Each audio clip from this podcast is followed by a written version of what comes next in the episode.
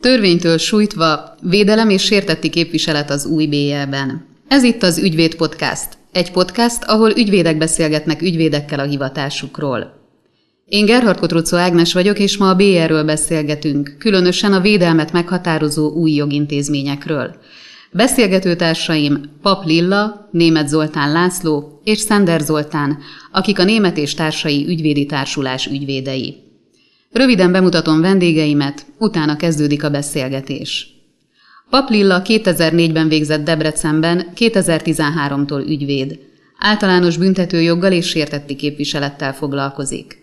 Német Zoltán László 93-ban végzett az eltén, 96-tól ügyvéd. A Jogi Szakvizsgabizottság tagja, az ELTE AJK Büntetőjogi Záróvizsga Bizottságának tagja, a társulás vezetője. Szender Zoltán 2013-ban végzett a Pázmányon, 2018-tól ügyvéd.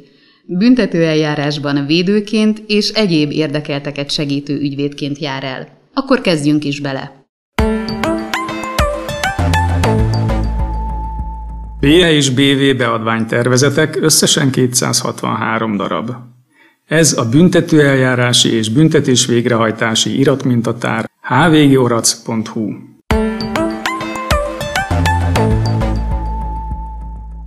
Milyen büntetőeljárás gyorsító jogintézmények találhatók a hatályos BL-ben? Német Zoli? Több ilyen jogintézményt ismerünk a büntetelési törvényben, valamelyik már a régi BL-ben is szerepel, de egyeseket az új büntetelési törvény néhány évvel ezelőtt iktatott a sorai közé. Gyakorlatilag az egyik ilyen fontos a büntetővégzés meghozatala. Ami korábban volt, az a bíróság eljállítás, az szintén van és megmaradt, de vannak még olyan intézmények is, amelyek régen is léteztek meg, most is például az eljárás távol levő, vagy pedig külföldön tartózkodó vádottakkal szemben, ha nem azt akarja a jogalkotó, hogy ezek az eljárások felfüggesztésre kerüljenek, akkor megtalálták annak a módját, hogy hogyan lehet ezeket az eljárásokat mégis lefolytatni a távollétükben.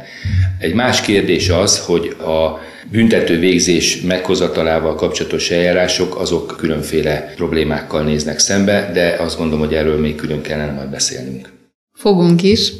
Az új BE hozta be a mértékes indítványt. Mi ez? Milyen elvárásokkal fogadtuk, és beváltotta a hozzáfűzött reményeket? Az, hogy mértékes indítvány, az egy jogirodalmi kifejezés, tehát a büntető eljárásról szóló törvényben nem szerepel ez a intézmény ilyen névvel, amiről szól, hogy az előkészítő ülésen az előző szabályozáshoz képest egy lényeges változás, hogy az ügyész arra az esetre, amennyiben a vádlott egyrészt beismeri a bűncselekmény elkövetését, másrésztről lemond a tárgyaláshoz való jogáról, akkor az ügyész egy konkrét szankcióra, büntetésre tehet indítványt. Ez az indítvány egyrésztről megfogalmazódik a bíróság felé, másrésztről magának a terhelt felé fogalmazódik meg. Tudhatja azt a várdot, hogyha azon az előkészítő ülésen, ami jellemzően egy egy-két órás időtartam alatt le is zajlik, tehát nagyon gyorsan végezhet és szabadulhat a büntető eljárás hátrányos következményei alól, akkor mi az a büntetés, aminél súlyosabbat ő már semmiféleképpen nem kaphat.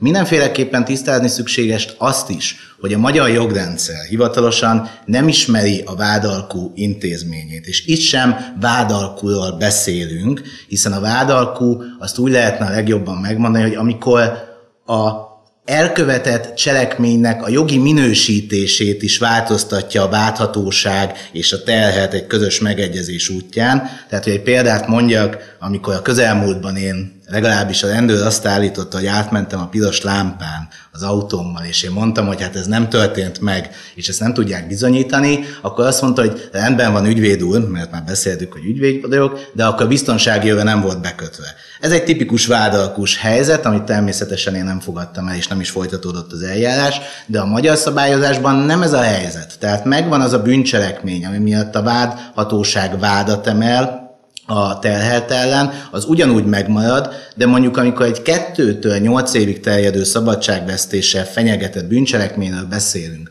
aminek a középmértéke öt év, akkor mondhatja azt a válthatóság, hogy amennyiben az előkészítő ülésen le tudjuk zárni ezt az egész eljárást, akkor én mondjuk kettő év szabadságvesztést javaslok, és azt a végrehajtásában adott esetben mondjuk három, négy vagy öt évre felfüggesztem, és ez egy olyan, mégiscsak egy alkú, egy egyesség, most ne a jogi terminus technikus alapján használjuk, hanem hogy magyarul beszélünk, hogy mi a lényege ennek, mégiscsak egy alkú, egy egyesség, aminek a végén mindenki úgymond jól jár.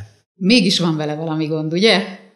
Ugye a nevében is benne van, hogy ez egy mértékes indítvány. Itt valamit a vádhatóságnak ajánlania kellene a vádlott a terhelt felé, azért cserébe, hogy meggyorsítsa az eljárást, azért cserébe, hogy egy bírónak ne kelljen adott esetben egy évekig tartó, hosszadalmas bizonyítási eljárást lefolytatnia, és a végén meghoznia mondjuk ugyanazt a döntést, amit ő már az elején is meg tudna hozni, a nyomozati szakban beszerzett bizonyítékok alapján, de ezért a vádlottnak is kapnia kellene valamit, hiszen így van értelme védőként eljárva, és így tudom azt mondani a vádlottnak, hogy gondolja jól meg, az ügyfelemnek, hogy gondolja jól meg, hogy elfogadja, mert lehetséges, hogy a végén nem, hogy ennél enyhébbet, hanem ennél súlyosabb büntetést is kaphat. Az én praxisomban, amit látok, és itt ez azért hangsúlyozom, hogy az én praxisomról van szó, ez nem egy ilyen nagyon mélyreható elemzést és sok statisztikai adatot felvonultató vélemény. Az ügyészség, mint hogyha túlságosan személyemes lenne ebben a kérdésben. Tehát, hogy egy példát említsek, amikor van egy 5-től 15 évig, vagy akár életfogytiglanig terjedő szabadságvesztése és büntethető bűncselekmény, ennek a középmértéke a vonatkozó szabályok szerint 15 év szabadságvesztés. És a váltatóság felajánlja azt, hogy 14 évnyi szabadságvesztéssel megúszhatja úgymond a vádlott ezt az eljárást, akkor azért talán nem olyan nyomós év a vádlott oldalán, hogy ebbe belemenjen, és hogy ezt a konkrét példát említsem, igaz, hogy három évig tartott a bizonyítási eljárás, de a végén a vádlott igaz, hogy még csak első fokon, de öt év, hat hónapnyi szabadságvesztést kapott, pedig a vádirattal teljesen egyező bűncselekmények vonatkozásában állapította meg a bíróság a bűnösségét. Na most azért érezzük ezt a különbséget, hogy az elején, három évvel korábban felajánlott 14 évnyi szabadságvesztést a válthatóság mértékes, úgynevezett mértékes indítványként, és a végén meg majdnem 5 évet kapok, egy fél évvel többet annál, akkor azt kell, hogy mondjam, hogy ha ez egy általános gyakorlat, akkor nem tölti be azt a funkcióját ez az intézmény, amit közben be tudna tölteni, hiszen azt úgy gondolom, hogy mindenki, aki büntetőeljárás során részt vesz, akár bírói, ügyészi vagy védői oldalon, az elmondhatja, hogy a büntetőeljárások gyorsítása az mindenkinek az érdeke lenne. Egyébként még a terhelté is. Szó esett itt az egyességnek a kérdéséről, és gyakorlatilag azt tudjuk mindannyian, hogy az új büntetési törvény még a nyomozati szakban lehetővé teszi azt, hogy a terhelt védő, illetve az ügyészség egyességet kössön. Ez részben ugye eltér a az előbb említett idézőjelbe tett mértékes indítványtól, mert itt az ügyész, a terhelt és a védő köt egy olyan egyességet, amelyet ugye írásba foglalnak, és ennek alapján fog az ügyész eljárni gyakorlatilag a tárgyaláson. Tehát nem meglepetésként éri a terheltet és a védőt a előbb Zoli kollégám által említett mértékes indítvány, ahol dönteni kell róla a vádirat kézbesítését követően, hanem gyakorlatilag itt megvan a megegyezés, amit a tárgyaláson inkább elfogadnak már. Tehát ez egy lényeges különbség a mértékes indítványhoz képest, viszont azt el kell, hogy mondjam, hogy nagyon ritkán alkalmazott intézkedés. Nagyon ritkán alkalmazott jogintézmény az egyességkötés. Tehát azt tapasztaljuk, hogy ilyen néhány tucatnyi egyességkötése kerül sor egy megyében évente. Tehát minimális az egyességkötésnek a lehetősége. Ennek egyébként az egyik legfőbb oka az, hogy ki kell teríteni a lapokat az ügyészség felé, hogy az ügyészség elfogadja-e azt, hogy olyan típusú és olyan minőségű beismerés és egyéb információ szolgáltatás történik a gyanúsított részéről még, amely alkalmas lehet arra, hogy az egyességgel az ügyészség is az állam érdekében nyereséget tudjon realizálni. Vannak specialitások a fiatalkorú elkövetőknél? Igen, a fiatalkorú elkövetők esetében a büntetőeljárás kis túlzással azt mondhatjuk, hogy szinte csak specialitásokból áll, mert maga az elkövetői kör életkoránál fogva speciális. Ezért a büntetőjogi felelősségre vonás annak szabályozása különleges körültekintést igényel, és a jogszabályok, a büntetőeljárás is kifejezetten deklarálja ezeket az alapelveket, hogy melyek mentén kell lefolytatni a fiatalkorúakkal a büntetőeljárást. Az eljárás gyorsító jogintézmények meg, ahogy a Szender Zoli említette, hogy szinte mindenkinek az az érdeke, hogy az eljárás hatékony legyen és minél hamarabb befejeződjön. Azt gondolom, hogy a fiatalkorúak esetében nem biztos, illetőleg nyilván bizonyos szempontból igen, ez is egy érdek a fiatalkorúak esetében, viszont az eljárási szabályrendszerünk biztosít olyan garanciákat, amelyek nem feltétlenül a rövidítés irányába hatnak. Érdekes, mert vannak olyan jogintézmények, illetve vannak olyan szabályok a fiatalkorúak eljárásában, amelyek a gyorsítás irányába hatnak, és a célszerűség, hatékonyság irányába hatnak, és vannak, amelyek egyáltalán nem, nem hatnak ellenében, de érdekes ezeket végig gondolni. Amely úgymond ezt a szempontot követi, az a legegyszerűbb és a szabályozás elején található a nyomozati szakban maga a nyomozás időtartama. A nyomozás határideje, mert fiatalkorúak esetében speciálisabban szabályozzák a nyomozás határidejét, meghatározzák azt, hogy öt évi szabadságvesztés büntetése büntető cselekmények esetében, ha az nem haladja túl az öt évet, akkor a nyomozás határideje az a kihallgatástól számított egy év, tehát be kell fejezni a nyomozást addig. Hogyha ennél súlyosabb büntetési tétellel fenyegedett az adott bűncselekmény, akkor jelölik meg a két évet, ami egyébként az általános nyomozási határidő. Ez tökéletes a fiatalkorúak esetében az életkori sajátosságaiknak figyelembevételével történő szempontrendszer alapján, hogy minél hamarabb véget érjen a fiatalkorúval szemben akár a nyomozás, akár a bírósági szakasz, tehát minél rövidebb ideig álljon büntetőeljárás hatája alatt. És ez nyilván ez per gazdaságossági és egyéb szempontok alapján is helyes és megfelelő. A mai világban én azt gondolom, hogy a legtöbbünknek van okostelefonja, mi ugye nagykorú, cselekvőképes személyek vagyunk, de vannak kiskorú, korlátozottan, vagy egyáltalán még cselekvőképtelen és vétőképtelen személyek is, és nekik is vannak mobiltelefonjaik, és azért itt a 21. században bele lehet futni azért különböző deliktumokba ezzel kapcsolatban, és bele is futottunk egyébként a múltkor együtt, nálam jelentkezett az ügy, de aztán végül végül elgondolkodtatott az, hogy lehet-e ennek büntetőjogi konzekvenciája. Ugye a konkrét jogesetben annyi történt, hogy egy kislányt csúfoltak ki olyan módon, hogy interneten róla rossz dolgokat ránézve negatív dolgokat mondtak, amitől ő ugye elég rossz lelki került, és hát így lapozgatva mondjuk így a BTK-t nem annyira egyértelmű volt az nekem, amikor azt mondtad, hogy hát ez cyberbullying. Mi az a tényállása a teljes BTK-ból, aminek mondjuk ez megfeleltethető, és vannak-e ebben különböző módozatok? A cyberbullying nem büntető jogi kategória. Nagyon széles szakirodalma van ennek a jelenségnek, amely már nálunk is begyűrűzött. Minden második iskolába elmondható, azt hiszem, hogy te is tapasztalod, én is a hétköznapi életünk folyamán. A szakirodalom a viselkedés formákat csoportosítja, nem kimerítő jelleggel, csak példálozó módon, bántó, valótlan tartalmú üzenetek elektronikus online küldése denignation, mint hírnév rontására alkalmas terjesztés, exclusion, csoport általi kiközösítés, impersonation, ami ugye a személyiséglopást jelenti, outing, kibeszélés, kiközösítés, mindezt mindig nyilvánosan és elektronikus felületen. Sexting, nyilván ezt mindenki kitalálja, hogy szexuálisan provokatív képek küldése és ilyen módon történő, elektronikus felületen történő vegzálás, mégsem büntetőjogi kategóriák. Nagyon kell figyelni arra, hogy ki az, aki vegzál, ki az, akit vegzálnak, pontosan mivel, és gyakorlatilag ezt milyen felületen teszik meg, nyilvánosan vagy sem, és ehhez képest az ember szelektál, és megpróbálja a megfelelő törvényi tényállást a büntető törvénykönyvben megtalálni, ami okán esetleg felelősségre lehet vonni akár egy fiatalkorú elkövetőt is. A legtöbb cyberbullying jelenség van egy sáv, ami alapvetően a, a zaklatás törvényi tényállását merítheti ki, hiszen ott a megfélemlítési célzat, hogy ha megvan és megtaláljuk, és nyilván egy adott üzenet nyilvánosan az interneten az üzenet tartalmának nyoma van, ellenőrizni lehet, vissza lehet ezerszer nézni, és meg lehet állapítani, hogy maga a célzat megvan-e vagy sem.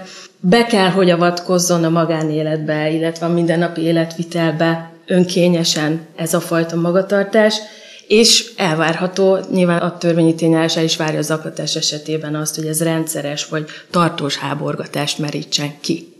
Nagyon meg kell vizsgálni, és tényleg aprólékosan meg kell vizsgálni az ilyen szituációkat, mert nem biztos, hogy minden tényállási elem megtalálható, ezért ez egy vékony jég, és megfelelő körültekintéssel kell eljárni, azt gondolom mindenkinek. Ide nem elég a védő, ide nem elég egy a fiatalkorú elkövető esetében egy az aklatás miatt, ugye az aklatás jelen esetben, ha fiatalkorúval szemben a büntetőeljárásnak csak közvádra van helye, tehát nem elég az, hogy az ügyész megjelenik és viszi, képviseli a vádat, nem elég, hogy a szülő a gyerek nevében megteszi a feljelentést, nem feltétlenül megoldás a büntetőeljárás, annak ellenére, hogy a büntetőeljárás igyekszik a fiatalkorú elkövetők esetében mégiscsak sajátos szempontrendszer alapján eljárni. Itt komoly felelőssége van az iskolának, még komolyabb felelőssége van a szülőknek.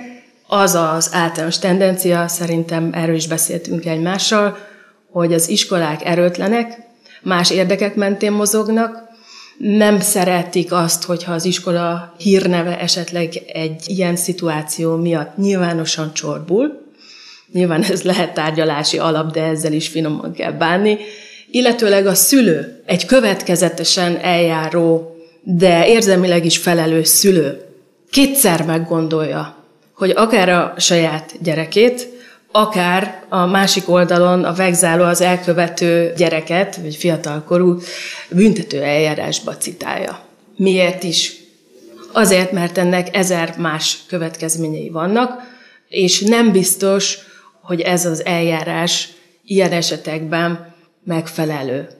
Inkább jönnek elő retorziós és stigmatizációs folyamatok, semmint valódi előrelépés afelé, hogy tartózkodjanak a gyerekek az ilyen viselkedéstől. Minden esetre egy abszolút modernkori jelenségről beszélhetünk, tehát ez teljesen napjaink történetén azt gondolom, és nagyon nehéz tőle megúvni a gyerekeinket, viszont ügyvédként én bízom abban, hogy jobban tudunk rá reagálni, hogyha tájékozottak vagyunk, és valamivel jobban, mint az oktatási köznevelési intézmények. Visszatérve egy kicsit a BL területre, mik a kötelező védős eljárások sajátosságai a jelenlegi szabályozás szerint? Szender Zoli? Egy mondattal talán még reagálnék azért az előző témánkhoz is. Azt azért minden ügyvéd kollégának meg kell értenie, és ezt az ügyfelével is meg kell értetnie, hogy a büntető eljárások során van egy kibékíthetetlen ellentét. Ez a kibékíthetetlen ellentét az egyik oldalon meglévő teljes államaparátussal rendelkező nyomozóhatóság, válthatóság, a másik oldalon pedig az egyedül, illetve a védőjével álló terhet között mutatkozik meg. Tehát amikor gyorsítani kívánjuk az eljárásokat, természetesen amikor az ügyfél a terhethez hozzájár és jól felfogott érdeke van, én akkor is azt mondom, hogy azért nagyon óvatosan.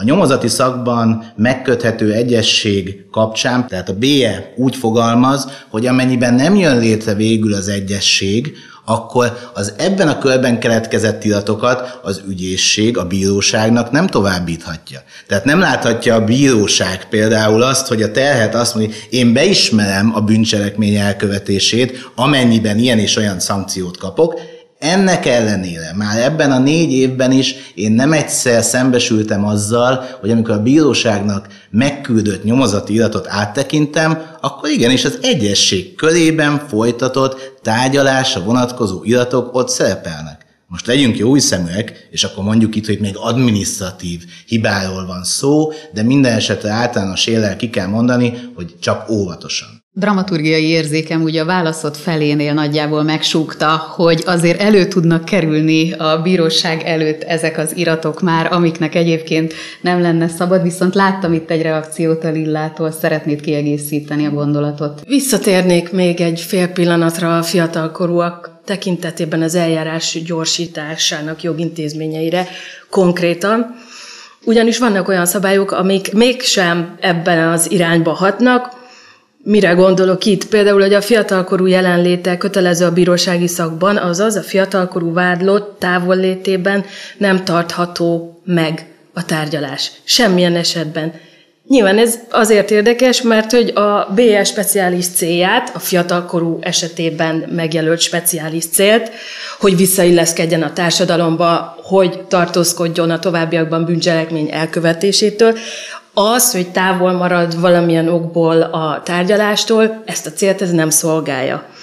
Például nem alkalmazható a tárgyalásról lemondás jogintézménye sem. Tárgyalás mellőzésével folytatott külön eljárás lehetősége ugyan például fennáll, de megjelenik itt a fiatalkorúak esetében a törvényes képviselő, és a törvényes képviselőnek plusz jogosultságai vannak, például a tárgyalás mellőzése esetén a tárgyalás tartását a törvényes képviselő a fiatalkorú elkövető vádlott hozzájárulása nélkül is kérheti. Illetve ugyanez történik a már említett büntetővégzés meghozatalára irányuló eljárásban. Hogy a törvényes képviselő jelenik meg itt is pluszban a fiatalkorú eljárásban, aki indítványozhatja a tárgyalás tartását. És még egy érdekesség, ami szintén nem biztos, hogy az eljárás gyorsítása felé mutat, tárgyalási szakban fiatalkorúak esetében ügyvédjelölt nem járhat el. Ez egy olyan tény, amivel nem lehet mit kezdeni,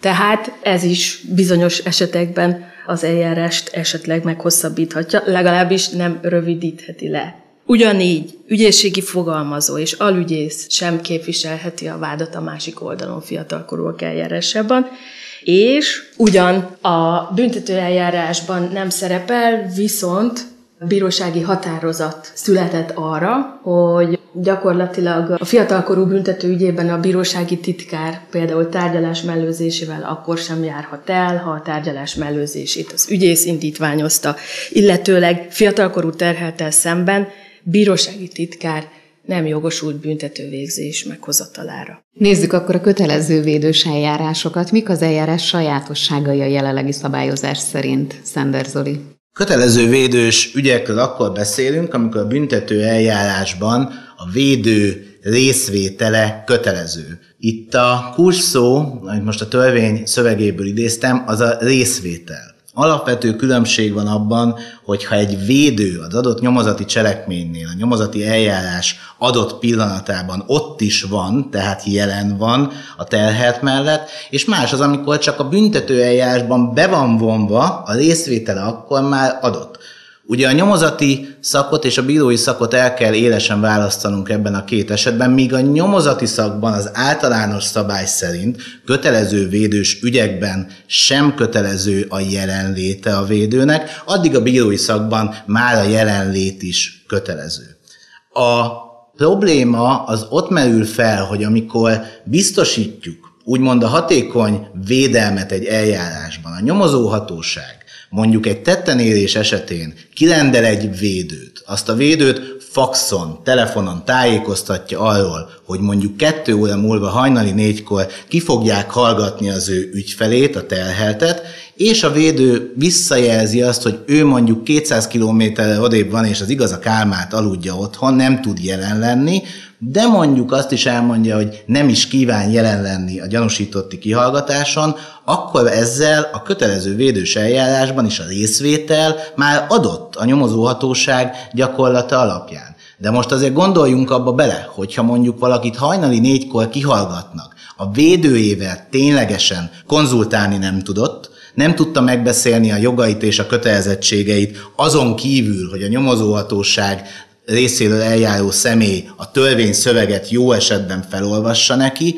akkor azért gondoljunk abba bele, hogy mégiscsak mennyire tudja átgondolni azt egy adott terhet, hogy milyen súlya van annak, hogy ebben a pillanatban milyen nyilatkozatot, milyen vallomást tesz. Nem realizálódik ugyanis nagyon sok telhetnél is, itt akár beszélhetünk fiatal felnőttekről, 20-21 éves srácokról, lányokról, akik a rendőrséggel még soha nem kerültek így kapcsolatba, nem realizálódik az, hogy ő minden további szankció és hátrány nélkül mondhatja azt, hogy köszönöm, én ezt a meghallgatást most passzolom, nem kívánok vallomást tenni, majd később megfontolom, hogy mégis teszek vallomást az eljárásban.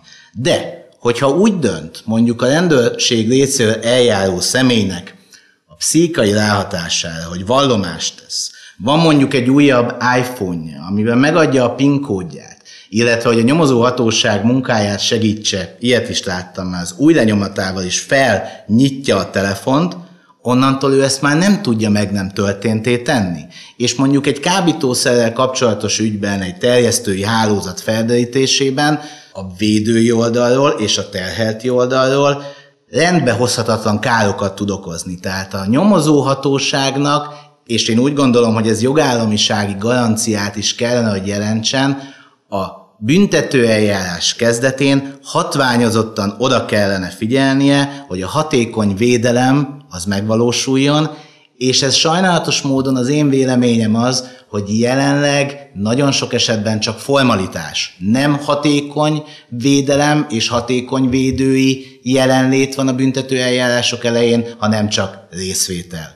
És úgy gondolom, hogy a most elmondottak alapján érezni lehet a kettő közötti nagyon-nagy arányú különbséget. Mi a tapasztalatod ezzel kapcsolatban, Lilla? Nagyon üdvös, hogy a fiatalkorúak esetében a kötelező védő jelenlétet tételesen szabályozza a büntetőeljárás. Óriási különbség van a kettő között. Pontosan azért, mert azok az aggályok, amit a Szender Zoli kolléga felvetett, azokat a fiatalkorúakra vonatkozó szabályozás gyakorlatilag megoldja, hiszen tételesen felsorolja azt, hogy a védői jelenlét, nem a kötelező védelemről beszélünk, hanem a tényleges védői jelenlét vádemelés előtt mikor kötelező. És ez elég egyszerű, és azt gondolom, hogy az általános szabályozásban is föl lehetne ezt vezetni, be lehetne ezt vezetni, hiszen kimondja, hogy gyanúsítotti kihallgatás, szembesítés, felismerése, bemutatás, helyszíni szemle lehet sorolni, de nem olyan sok.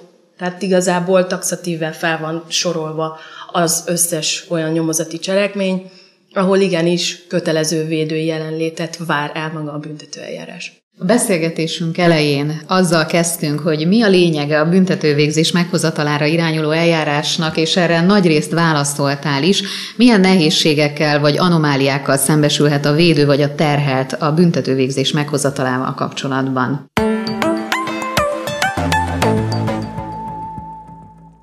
Büntetőjog 2 különös rész. 2021. szeptemberi kiadás. Benne a július 8-ig hatályba lépett jogszabályváltozásokkal. Belovics Ervin, Molnár Gábor Miklós, Sinkupál, hvgorac.hu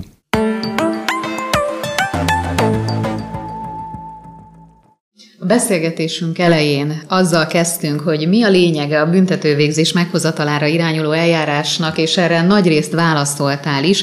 Milyen nehézségekkel vagy anomáliákkal szembesülhet a védő vagy a terhelt a büntetővégzés meghozatalával kapcsolatban? Német Zoli? Ugye a büntetővégzés meghozatalára irányuló eljárás akkor van lehetőség, és olyan módon történik, hogy a vádirat beérkezésétől számított egy hónapon belül, és ez egy gyorsító intézkedés, a bíróság, egyes esetekben bírósági titkár, ha az ügyész indítványozta magát a büntetővégzés meghozatát, akkor bírósági titkár is. Három évnél nem súlyosabban büntetendő egyszerű megítélésű cselekményeknél, ahol nincs fogva a terhel, hozhat egy büntető végzést. Azt tapasztalom, hogy az eljárás gyorsítása az ténylegesen sokszor úgy történik meg, hogy a bíróságok egyszerű megítélésű ügynek minősítenek gyakorlatilag egy csomó ügyet, olyan ügyeket, ami gyakorlatilag nem azok. És ezekben az ügyekben azért, hogy talán a vádlott el fogja fogadni majd a büntető végzést, hoznak egy büntető végzést, amelyel valamilyen joghátrányban részesítik őket. Mentségére legyen szólva a bíróságoknak, hogy a legsúlyosabb büntetés ilyenkor a felfüggesztett időtartamú szabadságvesztés lehet.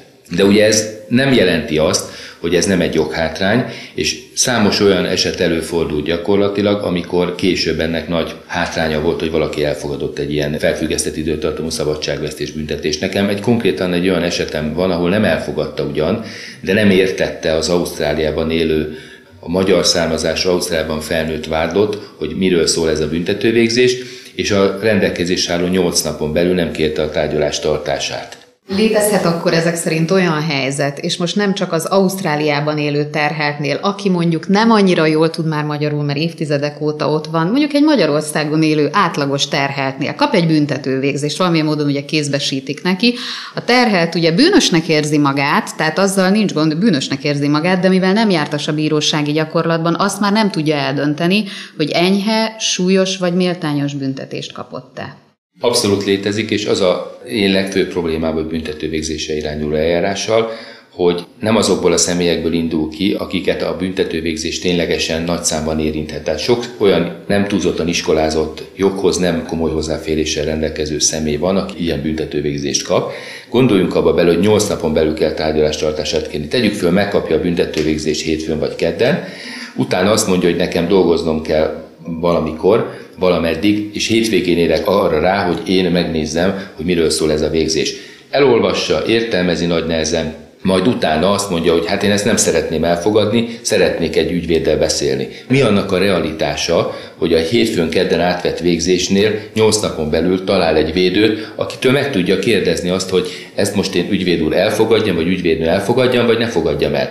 Tehát ez egyik alapvető probléma a 8 napos határidő rövidsége. Tehát annyira azért ne siessünk, hogy nem lehetne mondjuk 15 napot, tehát abszolútum 30 napot adni arra, amennyire a bíróságnak is volt ennyi ideje arra, hogy eldöntse, akkor legalább ő is eldöntesse, hogy akarja a tárgyalás tartását kérni, vagy sem. És ez egy olyan komoly következményekkel járó döntés, vagy annak a hiánya, amelyel gyakorlatilag a bűnügyi nyilvántartásba jogerősen bekerül egy olyan büntetés az ő előéletében, amely akkor okozhat majd problémát, hogyha ő elkövet egy másik szándékos bűncselekményt, és mondjuk a felfüggesztett büntetés hatája alatt követi el, és akkor már komolyan a szabadsága is veszélybe kerülhet, pusztán azért, mert a második bíróság nem fogja vizsgálni az első bíróság által meghozott döntésnek a körülményeit. Tapasztalsz olyat, hogy a büntetővégzések meghozatala futószalagon zajlik? Szerintem futószalagon zajlik egyes bíróknál, vagy egyes bíróságokon. Mindenkinél azt gondolom, hogy nem lehet erről beszélni, de Gyakorlatilag én a büntetővégzés meghozatalá köréből a második esetkört említeném, amit kivételként említ a törvény, ez pedig a öt évnél nem súlyosabban büntetendő bűncselekményeknél, amennyiben a terhelt beismerte a bűncselekmény elkövetését, akkor alkalmazható a büntetővégzés. Na most ez egy logikus szabály, mert ő beismerte, szabadulni szeretne tőle, nem akarja folytatni az eljárást, tehát ebben az esetben azt gondolom, hogy ez a futószalag, ez azt a célt eléri, amit a jogalkotó gyorsítási intézkedésként beletett a törvénybe. Én azokkal vitatkoznék, azokkal az esetekkel, hogy azért, mert nem 5 év, csak 3 évig tartó szabadságvesztéssel büntetendő egy cselekmény, azért gyakorlatilag el lehet veszíteni azt a jogot, hogy valakinek az ügye nagyon keményen és az elétől kezdve pontos jogi munkával megvizsgálhatóvá váljék, és ezért cserébe ő lemondjon azokról a jogokról, amelyekről egyébként ő esetleg nem mondott volna le, hogyha tisztában lett volna minden következménnyel. A büntető végzést akkor is meghozhatja a bíróság, kisebb tárgyi súlyú bűncselekmények esetében, amennyiben a terhelt a nyomozati szakban kifejezetten vitatja a bűncselekmény elkövetését. Na most a büntető eljárások során is alkalmazandó álláspontom szerint az a mondás, hogy nem csak tisztességesnek kell lenni, hanem tisztességesnek is kell látszani. Hogy ezt lefordítsam, nem csak pártatlannak és objektívnek kell lenni, hanem annak is kell tűnni.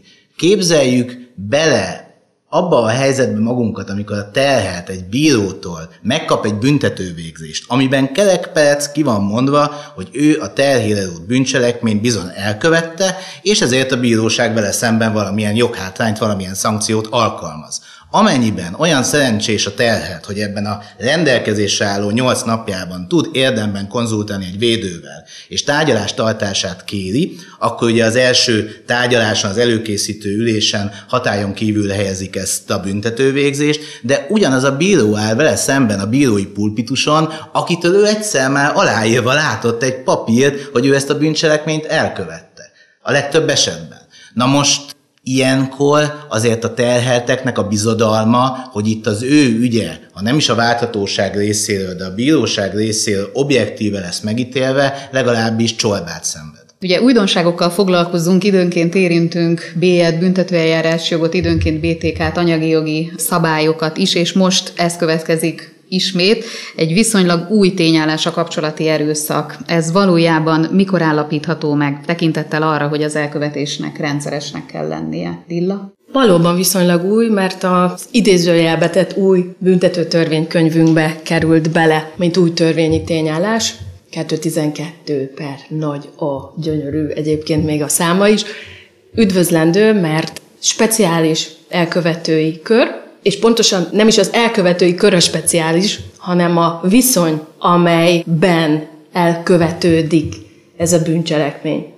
A törvényi tényállás egyértelműen fogalmaz, hiszen hozzátartozói minőség, gyermeke szülője részére, volt élettárs, házastárs sérelmére, gondnok, gondnokolt, gyám, gyámolt sérelmére lehet ezt a bűncselekményt elkövetni és nyilván erőszakos magatartásról van szó. Kérdés, hogy az erőszakos magatartás kimerít-e tetlegességet? Alapesetben nem. Pont ez a pikantériája ennek a törvényi tényállásnak, mert attól függetlenül, hogy nem merít ki tetlegességet, mégis olyan viselkedésformákat sorolunk ide, amely az emberi méltóságot sérti, kifejezetten megalázó, és agresszív jellegű. Gyakorlati élmény és példa a saját praxisomból, saját ügyem, ahol megküldte nekem a sértett azt a két hangfelvételt, kettő darab hangfelvételt, amelyen az ő volt élettársa és annak édesanyja az egyik hangfelvételen konkrétan 1 óra 46 percen keresztül szóban vegzálja, megalázza, káromkodik, olyan szinten és olyan módon sérti, sértegeti,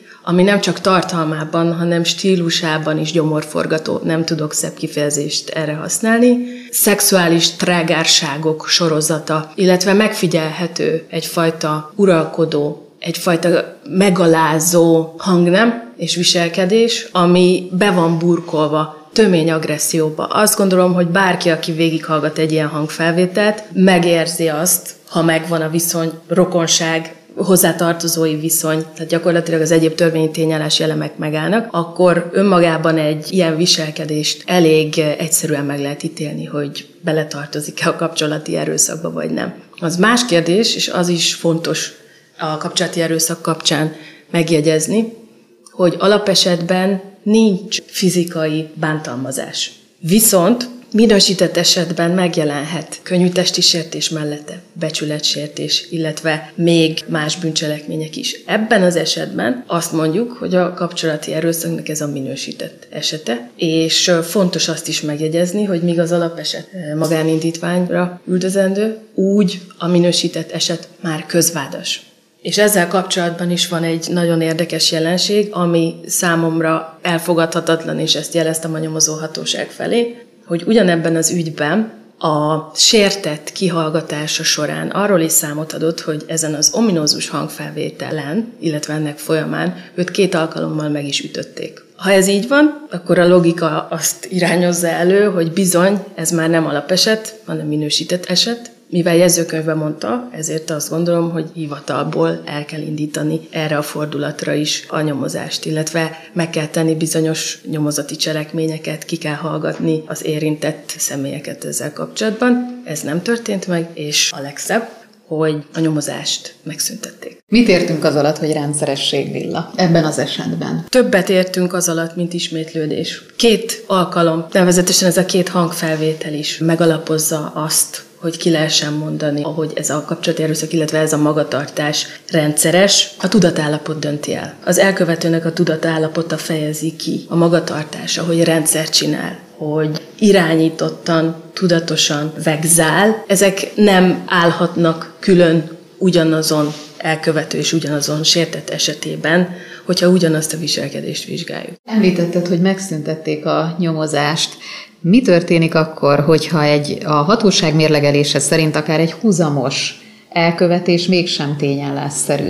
Nagy értetlenség van ilyenkor a védő fejében, különösen amikor leírva lát egy olyan nyomozást megszüntető határozatot, amelyben az indokolás kimondhatom, hogy nem érdemi. Sajnos elég idézőjelbetetten öreg vagy idős vagyok ahhoz, hogy láthassam azt, hogy amikor a büntetőjog a szocializmusból elkezdve a kezdődő kapitalizmuson át most már a virágzó kapitalizmusban találkozunk vele, hogyan változik. És gyakorlatilag azt kell észrevennünk, hogy az elején, ha vér nem folyik, akkor az nem is igazi büntetőügy hozzáállást tapasztaltuk, és egyre inkább kezdünk a rendőrségnek a mentalitását is felismerve, megváltoztatva eljutni odáig, hogy a büntetőeljárásoknak egy jelentős része és a bűncselekmények egy jelentős része már a szóban megvalósított különféle cselekményekkel is egy büntetőjárási tényállást idéz elő. Tehát gyakorlatilag nem az kell hozzá, hogy verekedjen valaki, vagy lögdösödjön, vagy bántalmazzon fizikailag, hanem nagyon sokszor a becsületsértés és a hagyományos rágalmazáson kívül nagyon sok olyan tényállás is előfordul már, amely szóban a másik embernek a megalázásával, amely egy alkotmányos joga az emberi méltóság, ennek a megalázásával is elkövethető, és a sztereotípiák, ami a részeges férj, aki veri a feleségét kategóriát valósította meg, eljutunk oda, hogy a különféle körmönfont megalázásokra is a büntetőjog tud válaszolni, hiszen ezek a zaklatási tényállások egy része a nők oldaláról éri a férfiakat.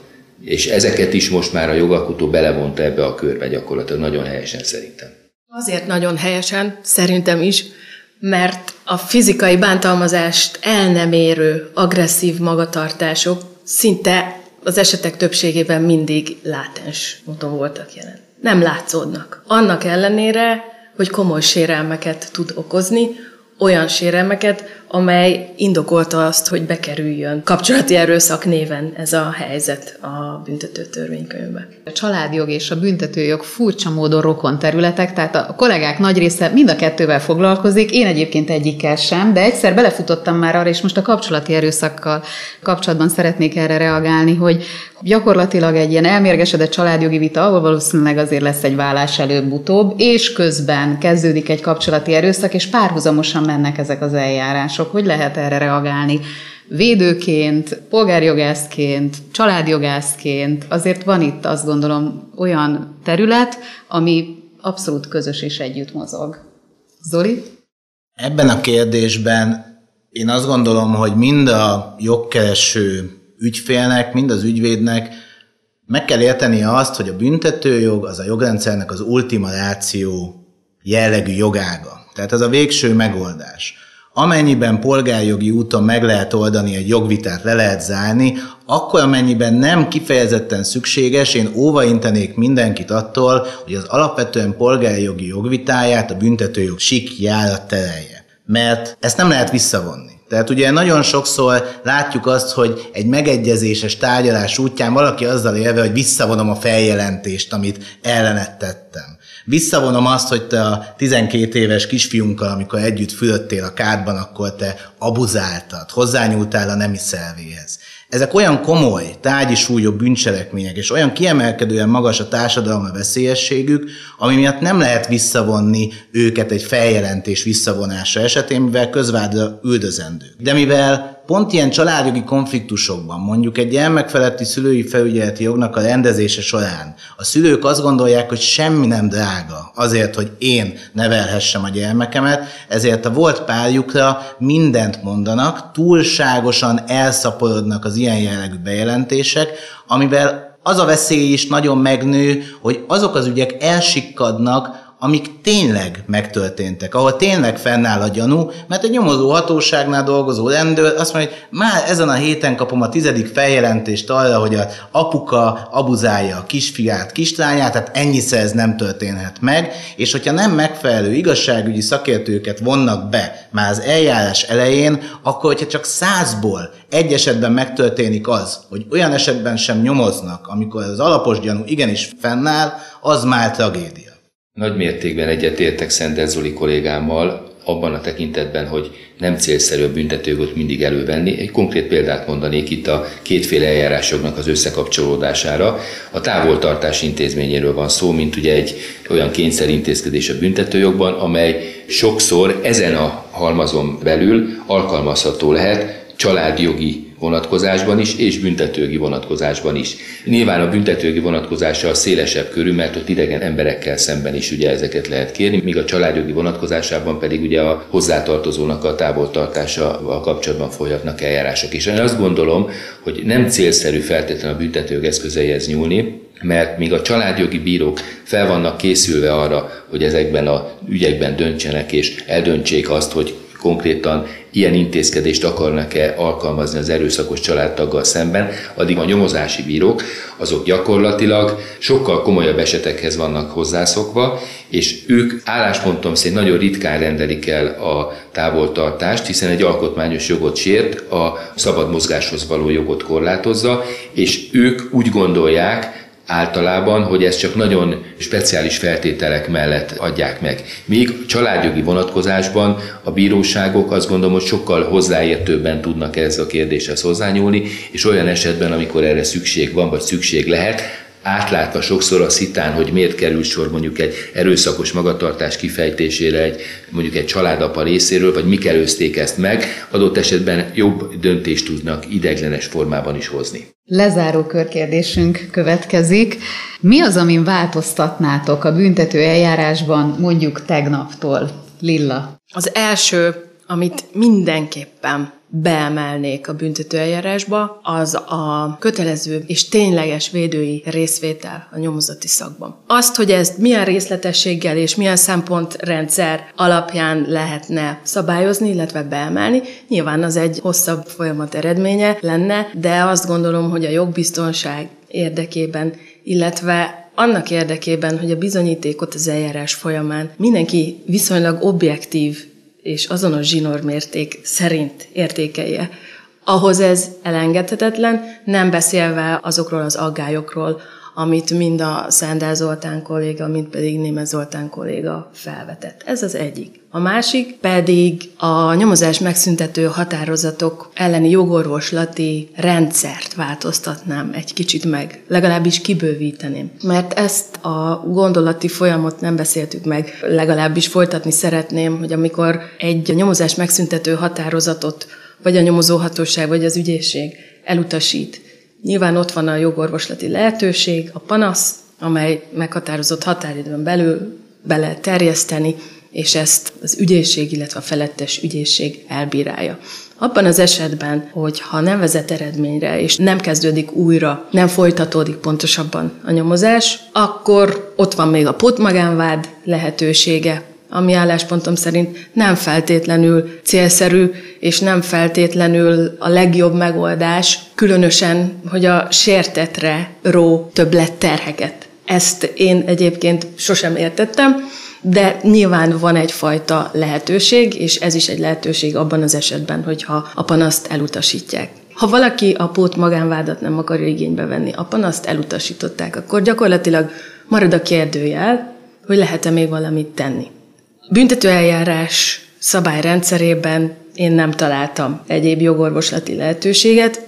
Amire még lehetőség van, ezzel én több alkalommal éltem, azt az ügyészségi törvény alapján tettem meg hiszen az ügyészség felé olyan esetekben, számos esetben, illetve nyilván ez bonyolultabb, ennél és időigényesebb erről beszélni, de ha jogsértést észlel, akár speciál én, mint védő, és azt észlelem egy adott ügyben, hogy esetleg a nyomozóhatóság jogsértő módon járt el, büntető törvénykönyv vonatkozó passzusát nem megfelelően értelmezte, és ennek eredményeként született meg egy megszüntető határozat, akkor a jogsértésre, vagy a nem megfelelő jogértelmezésre fel kell hívnom, felhívhatom igenis az ügyészség figyelmét, és ezt megtehettem. Gyűjtő neve kérelem, de egyébként azt gondolom, hogy ha jelzésnek hívjuk, akkor az is helytálló.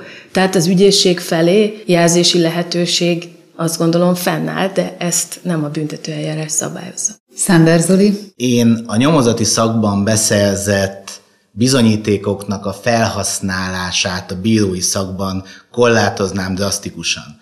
Sokkal jobban eltolódnék az angol száz jogrendszer felé, ami bizonyos bizonyíték típusoknál, és itt kifejezetten a tanúvallomásokra és a tanúvallomások felhasználására gondolok, előírja azt, hogy csak is a vád megalapozásához lehet felhasználni, Utána a válthatóság úgy dönt, hogy igen, én itt vádat emelek, de ezeket a bizonyítékokat, egy nyomozati szakban beszerzett tanúvallomást egy az egyben nem használhatok fel a bírói eljárás során.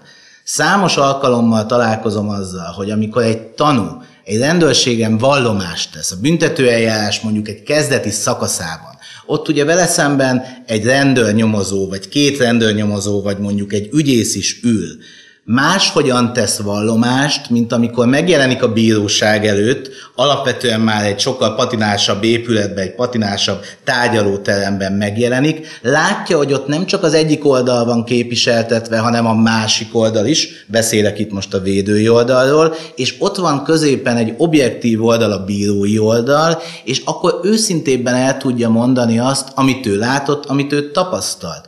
Viszont amikor elkezdene őszintén beszélni, ami nem egyszer ellentétben van azzal a vallomással, amit ő a nyomozati szakban tett, és ami alapján vádemelésre sor került, akkor ugye azonnal jön a bírói figyelmeztetés, hogy de hamisan bűncselekmény elkövetésével más ne illessen, és amit most tesz, az éppen közokirat hamisítás is lehet, mert azt állítja, hogy a nyomozó nem így tette fel a kérdést, ahogy a jegyzőkönyvben szerepel.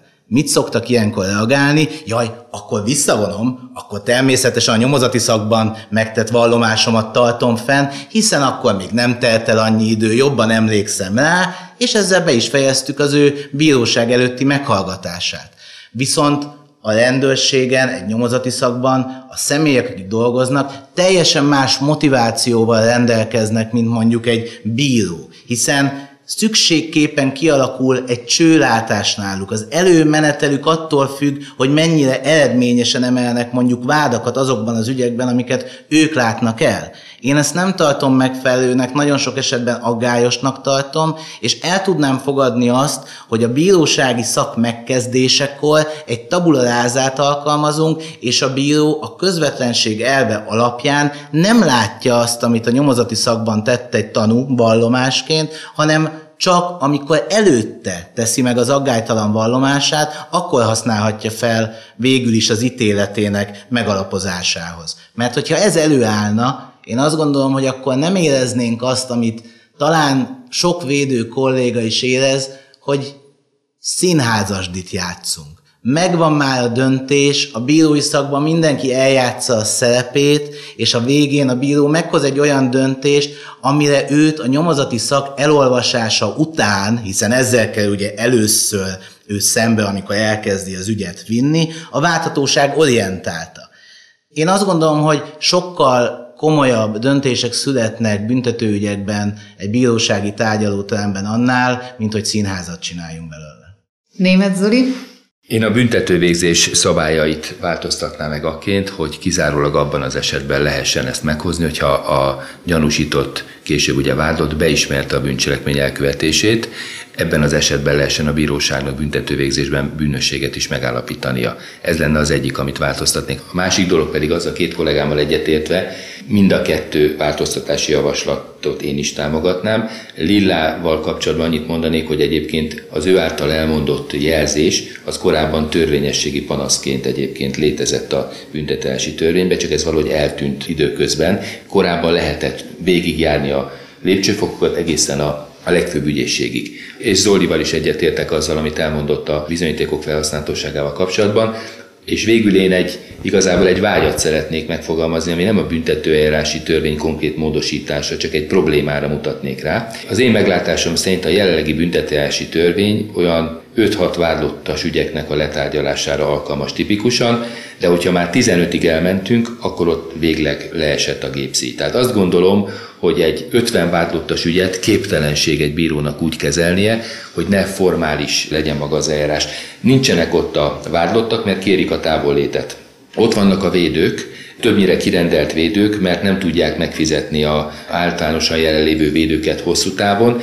Ott gyakorlatilag kornyadoznak a védő kollégák a tárgyaláson. Számukra teljesen érdektelen dolgok történnek, ezzel egyébként a védői munka is formálissá válik, és ezzel a védői munkának a tekintélye is romlik. Én azt tapasztalom, hogy az ott jelenlévő vádlottak ezt így ítélik meg, mert egyes védő kollégák ugye ezekre az ügyekre ráállnak, és gyakorlatilag így töltik el az életüket, hogy ezeken a kirendelt funkciókat ellátva ott ülnek a tárgyaláson, és folyik valamilyen eljárás, amire nem figyelnek gyakorlatilag oda. Tehát én azt látom, hogy erre valamilyen megoldást ki kellene találni.